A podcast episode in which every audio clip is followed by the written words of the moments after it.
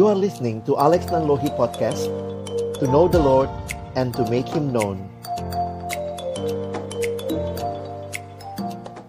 Oke, kita akan mulai dan kita doa lagi ya sebelum kita mulai sesi ini. Tuhan, terima kasih banyak karena sungguh kasih-Mu tidak berkesudahan bagi hidup kami. Di dalam kesempatan menikmati retret ini, Tuhan terus berbicara kepada kami supaya kami benar-benar berjalan bersama Yesus melewati berbagai pergumulan kehidupan. Kami akan membuka firman-Mu. Tuhan, bukalah juga hati kami, jadikan hati kami seperti tanah yang baik, supaya ketika benih firman-Mu ditaburkan, itu boleh sungguh-sungguh berakar, bertumbuh, dan berbuah nyata dalam hidup kami. Berkati baik hamba-Mu yang menyampaikan, semua kami yang mendengar dan memberi respon.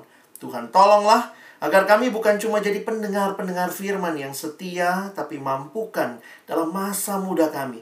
Kami boleh menjadi pelaku-pelaku firman-Mu di dalam kehidupan kami. Bersabdalah ya Tuhan, kami anak-anakmu sedia mendengarnya.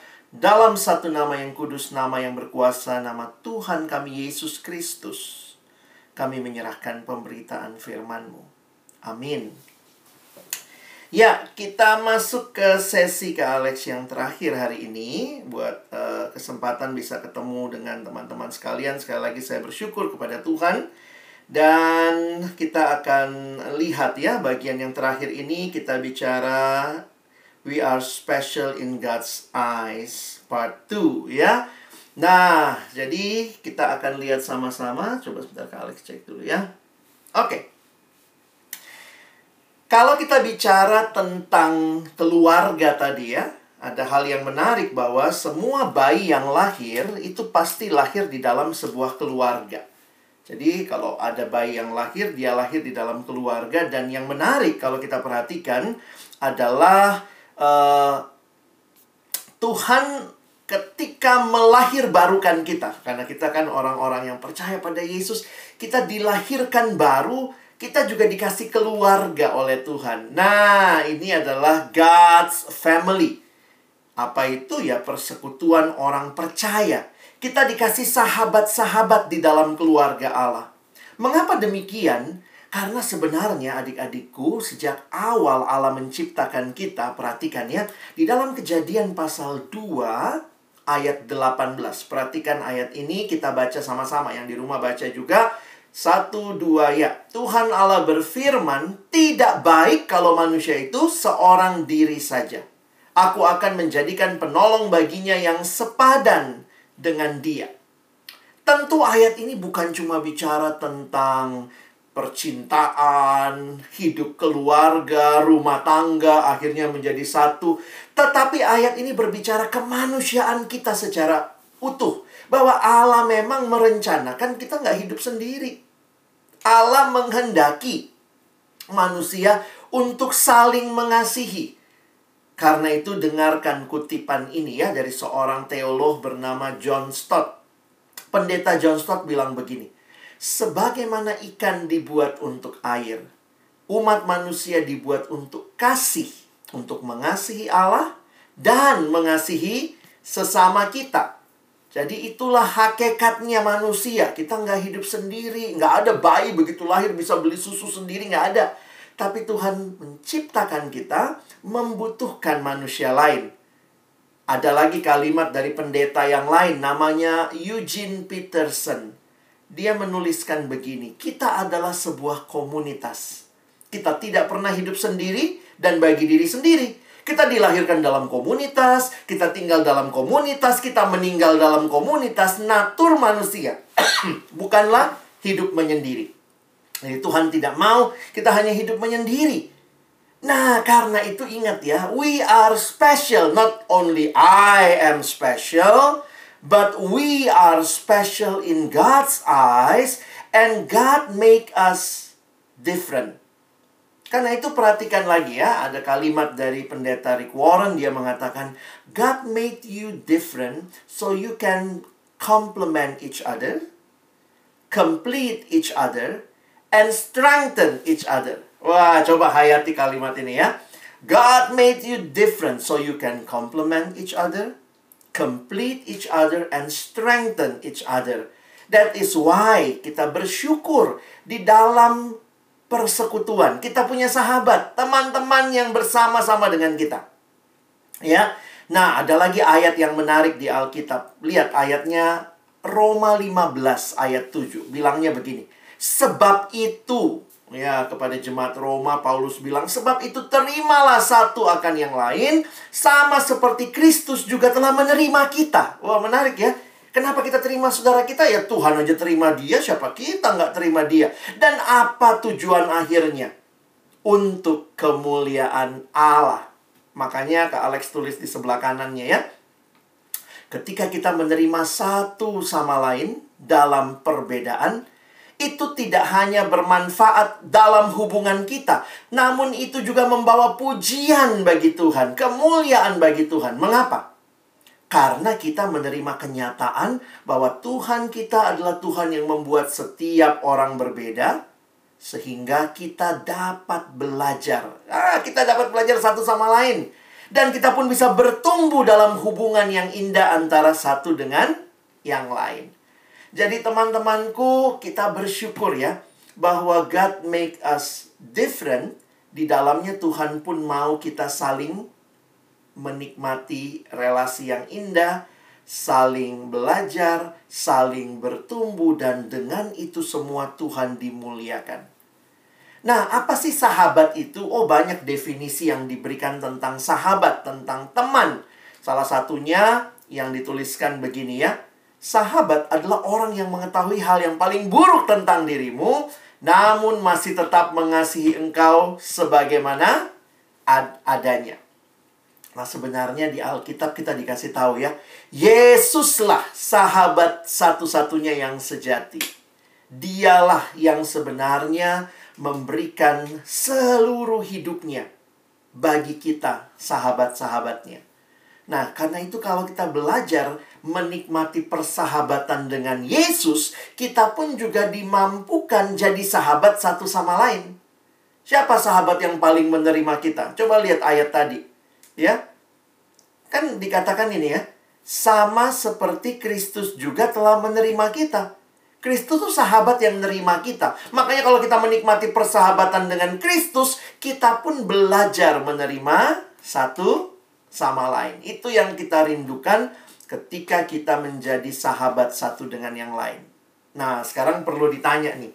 What type of friendship are you in? Memang ya, dua tahunan ini kita kan belajarnya semua online, segala macam begitu ya. Tapi pertanyaannya kita ini teman seperti apa? Alkitab berbicara beberapa hal tentang persahabatan secara khusus di dalam kitab Amsal. Pagi ini Kak Alex ingin aja kita belajar sedikit ya. Apa model persahabatan yang buruk dan apa model persahabatan yang baik? Ya, kita lihat dari yang buruk dulu. Nah, perhatikan. Ada Amsal bilang begini. Ada teman yang mendatangkan kecelakaan. Waduh, ada juga teman yang kayak gitu ya. Tetapi ada juga sahabat yang lebih karib daripada seorang saudara. Seperti apa sahabat yang buruk? Itu tuh yang mendatangkan kecelakaan. Yang mungkin ngajak temannya, ayo yuk narkoba yuk, ayo yuk ngerokok yuk, ayo yuk nyontek yuk, ayo yuk bolos yuk gitu ya. Ayo yuk kita matiin kamera semua yuk. Nah itu teman-teman yang mendatangkan kecelakaan. Tidak membawa kebaikan tetapi menyebarkan keburukan. Nah, bukan demikian. Di dalam perjanjian baru, Rasul Paulus juga ingatin. Coba teman-teman lihat ya ayatnya. Ayo kita baca sama-sama. 1 Korintus 15 ayat 33. Janganlah kamu sesat. Pergaulan yang buruk merusakkan kebiasaan yang baik. Ternyata di sini kita diingatkan hati-hati bersahabat. Karena pergaulan yang buruk itu yang dirusak adalah kebiasaan yang baik. Bad company corrupts good character. Dalam bahasa Inggris digunakan istilah itu ya. Bad company corrupts good character. Pergaulan yang buruk merusakkan kebiasaan yang baik. Karena itu hati-hati pilih sahabat.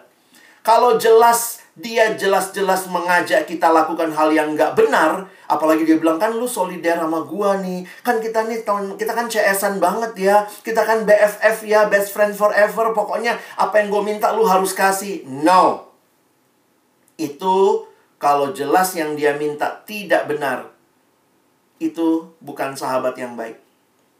Jujur ya, Kak Alex sekarang lihat generasi kalian kan, di tengah-tengah berbagai hal saya pernah mendengar ada yang gitu eh lu pakai dong kartu kredit bokap lo. Gue pengen pesen ini nih avatar yang baru nih. Nanti gini ya lu pakai kartu kredit bokap lo deh pokoknya nanti uh, gua gua ajarin deh caranya dari sini gitu ya. Jadi akhirnya ada anak yang demi sahabatnya eh nilep kartu kredit papanya untuk beli avatar game ngeri banget itu bukan teman yang baik.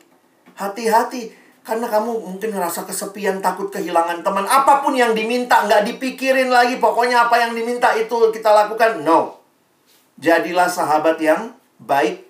Dan carilah sahabat yang baik juga. Supaya kamu tidak jatuh ke dalam pergaulan yang buruk. Jadi teman-teman, kita kan punya pikiran ya. Jangan mengalahkan rasionalitas yang kita tahu ini nggak benar demi solidaritas pokoknya gue punya temen gitu tapi kalau itu tidak benar ya jangan ya nah ini sikap yang salah yang pertama ada sahabat-sahabat yang hanya memanfaatkan kamu tidak benar, membuat kamu lebih jauh dari Tuhan, membuat kamu jadi bohong, membuat kamu jatuh dalam dosa. Tinggalkan persahabatan seperti itu. Sekarang ini kan kalian di dunia maya banyak ya yang bilangnya sahabat ya asal baru main game bareng, udah deh tukeran, uh, mutualan IG, lalu kemudian udah deh jadinya kesannya sahabat. Tiba-tiba nanti dia minta ini, minta itu, hati-hati, hati-hati. Kak Alex juga sekarang tahu lah ya dunia maya serem teman-teman. Ingat setiap yang kamu lakukan ada jejak rekam digitalnya. Jangan sembarangan kirim PAP. Pap dong, pap dong awalnya minta pap muka, nanti minta pap tubuh, nanti minta pap alat kelamin. Itu banyak sekarang yang Kak Alex harus katakan hati-hati. Kalau temennya nggak jelas, tinggalkan. Blok, selesai. Jangan membiarkan diri jatuh ke dalam persahabatan yang nggak benar. Oke, itu yang pertama ya. Nah, yang kedua yang nggak benar juga, diingatkan oleh firman Tuhan, ada teman yang tidak menghargai kita. Nah, ini banyak terjadi ya.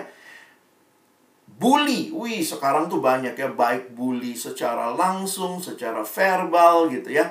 Dan ternyata ayat Alkitab juga mengingatkan kita akan hal itu. Ya, Kak Alex angkat beberapa ayat. Di Amsal nih ya, coba lihat. Ada kalimat begini. Siapa mengolok-ngolok orang miskin, menghina penciptanya. Siapa gembira karena suatu kecelakaan tidak akan luput dari hukuman. Jadi sebenarnya ayat ini mau menunjukkan bukan cuma orang miskin, tapi siapa yang menghina sesama manusia. Yang kamu hina itu bukan orangnya saja, tapi penciptanya. Wow.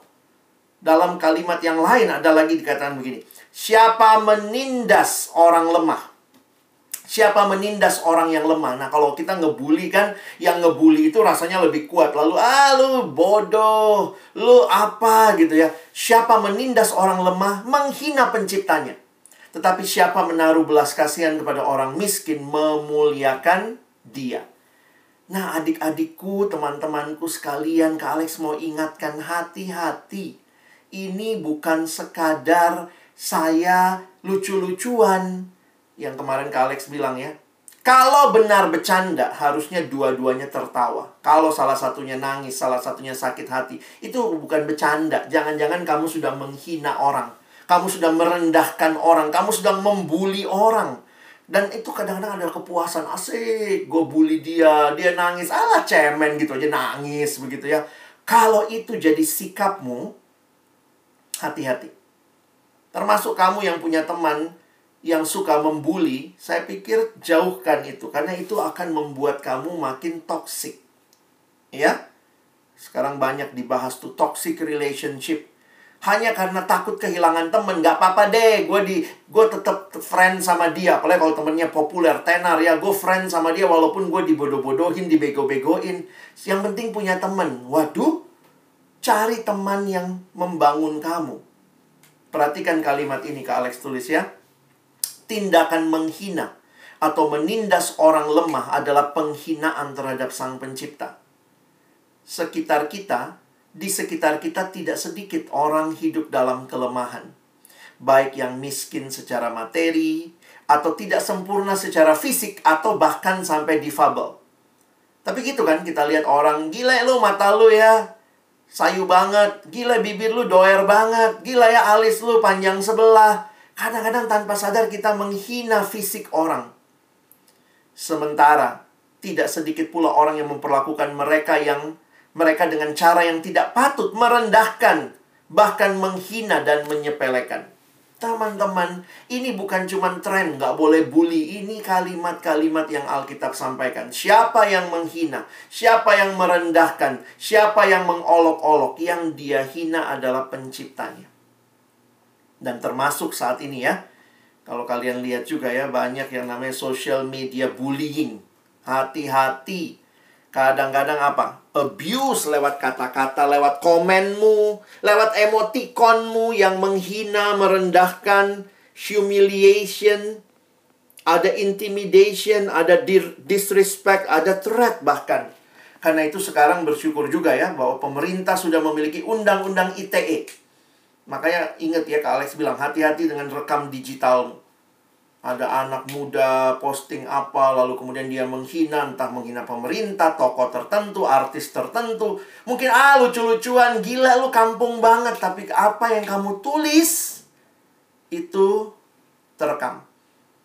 Dan nanti satu waktu ketika kalian makin besar kalau orang mau mempekerjakan kamu mungkin yang dia lihat beda dengan zaman Kak Alex ya kalau kami kan lihatnya CV ya sekarang yang dilihat mungkin rekam digitalmu. Ini anak gimana bersosmednya? Dia santun atau tidak bersosmed? Jangan-jangan di sosmednya dia ternyata sering ngebully orang, sering intimidation, uh, icon-iconnya nggak bener. Jadi memang itu jadi hal yang penting teman-teman ingat ya. Itu namanya bersahabat, tapi kalau di ruang publik ada etikanya, ya. Makanya don't bully, be a friend. Nah, jadi teman-teman ingat ya. Kak Alex simpulkan dengan kalimat ini. Ini penting kalian catat. Cara kita memperlakukan sesama manusia sebenarnya menunjukkan sikap kita kepada siapa? Kepada Tuhan. Kamu bully orang, kamu nggak respect. Ini termasuk kepada papa mama nih ya. Uh, termasuk kepada pembantumu di rumah. Termasuk kepada uh, supirmu mungkin ya. Kadang-kadang kita tuh ngerasa ah, bukan manusia lah, rendah lah, miskin lah, receh lah gitu ya. Ah, teman-teman ini kita mesti benahi nih. Tuhan tolong hati saya untuk benar-benar bisa menghargai sesama sebagai wujud aku mencintai Tuhan dan juga hormat sama Tuhan. Ya. Ah, ini yang jelek-jeleknya nih yang harus kita tinggalkan. Punya teman kayak gini, tinggalkan aja ya. Jangan takut kehilangan teman, karena saya yakin Tuhan pun memberikan masih banyak orang yang punya attitude yang baik, punya karakter yang baik. Nah, bagaimana kita jadi teman yang baik? Amsal juga kasih nasihat ya. Kak Alex mau rangkum dengan dua Amsal saja. Pertama, Amsal 17 ayat 17. Nah, ini teman yang baik nih ya. Teman yang baik kayak apa? Dikatakan seorang sahabat menaruh kasih kapan itu? Bukan sewaktu-waktu, tapi setiap waktu. Wah. Dan menjadi seorang saudara dalam kesukaran. Inilah sahabat yang baik. Yang menaruh kasih bukan sewaktu-waktu. Kalau lagi banyak duitnya kita datengin. Oh dia punya game baru kita deketin gitu ya. Dia punya apa pokoknya kita. Tapi benar-benar kita jadi sahabat. Dan waktu kesukaran di situ terbukti. Ini sahabat sejati atau bukan? Kalau waktu kesukaran dia juga ninggalin, dia cuma mau datang kalau kamu sedang berlimpah harta, berlimpah fasilitas. Wah, itu bukan sahabat yang baik. Sahabat yang menaruh kasih setiap waktu, bahkan jadi saudara dalam kesukaran. Nah, ini sahabat yang baik ya. Yang kedua, Amsal 27 ayat 17. Nah, apalagi bagian ini kalimatnya menarik dalam bahasa Indonesia dituliskan besi menajamkan besi, orang menajamkan sesamanya. Dalam terjemahan bahasa Indonesia masa kini BIMK dikatakan bagi, sebagaimana baja mengasah baja Begitu pula manusia belajar dari sesamanya. Nah ini sahabat yang benar. Yang waktu kita sukar dia hadir, dia ada, dia menghibur, dia menceriakan, dia komen status kita dengan baik, dia nge-like. Tapi juga dia mengasah kita. Saya bisa belajar dari dia. Jadi sebenarnya kalau kalian pikir ya, kalau cuma kasih tidak mengasah, cenderung nanti jadi cuman jadi apa ya? munafik gitu. Cari teman juga yang berani mengkritik kamu ya, yang berani kasih masukan yang baik. Jadi teman yang baik itu bukan cuma yang iya iya iya mengasihi. Pokoknya dia bikin salah aku mengasihimu. Aduh, aku bikin salah tetap dikasihi. Sahabat yang baik akan menegur sehingga terjadi mengasah, ya. Kalau cuma mengasah tanpa kasih jadi tukang kritik. Tapi kalau cuma mengasihi tanpa mengasah nanti jadi memanjakan bahkan cenderung munafik. Betapa indahnya sahabat yang mengasihi dan mengasah. Wah, kalau disingkat gampang ya.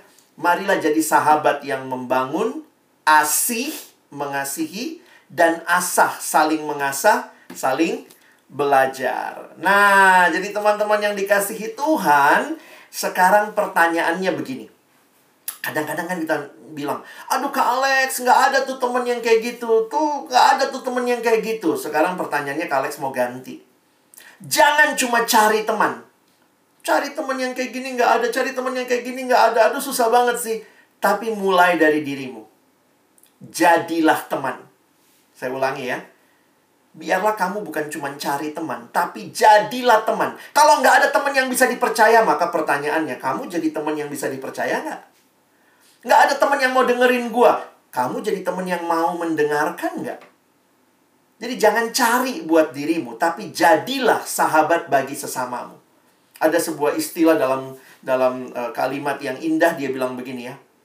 Aku keluar dan mencari teman, tapi aku tidak menemukan teman di mana-mana. Lalu kali kedua, kali ini aku keluar dan menjadi teman. Ternyata aku temukan banyak teman di mana-mana. Ya, beda ya. Jangan cuma cari teman, tapi belajarlah jadi teman. Nah, karena itu sebagai respon kita dalam persahabatan kita ini di kelas 6 gitu ya. Wah, nggak tahu nih masih bakal lanjut nggak di sekolah yang sama atau mungkin ada yang lanjut, ada yang mungkin ke tempat lain. Tapi sebelum kita berpisah gitu ya, Kak Alex mau ajak kita refleksikan persahabatan kita. Ya, mari kita sama-sama refleksikan persahabatan kita dan ini ada waktu. Kak Alex akan kasih teman-teman waktu untuk berpikir lihat lagi relasi persahabatanmu. Ya. Nah, apa yang dilakukan dalam waktu yang ada? Yang pertama, coba ingat-ingat kembali bagaimana caramu selama ini berelasi dengan teman-temanmu. Apakah kamu sudah jadi sahabat yang baik?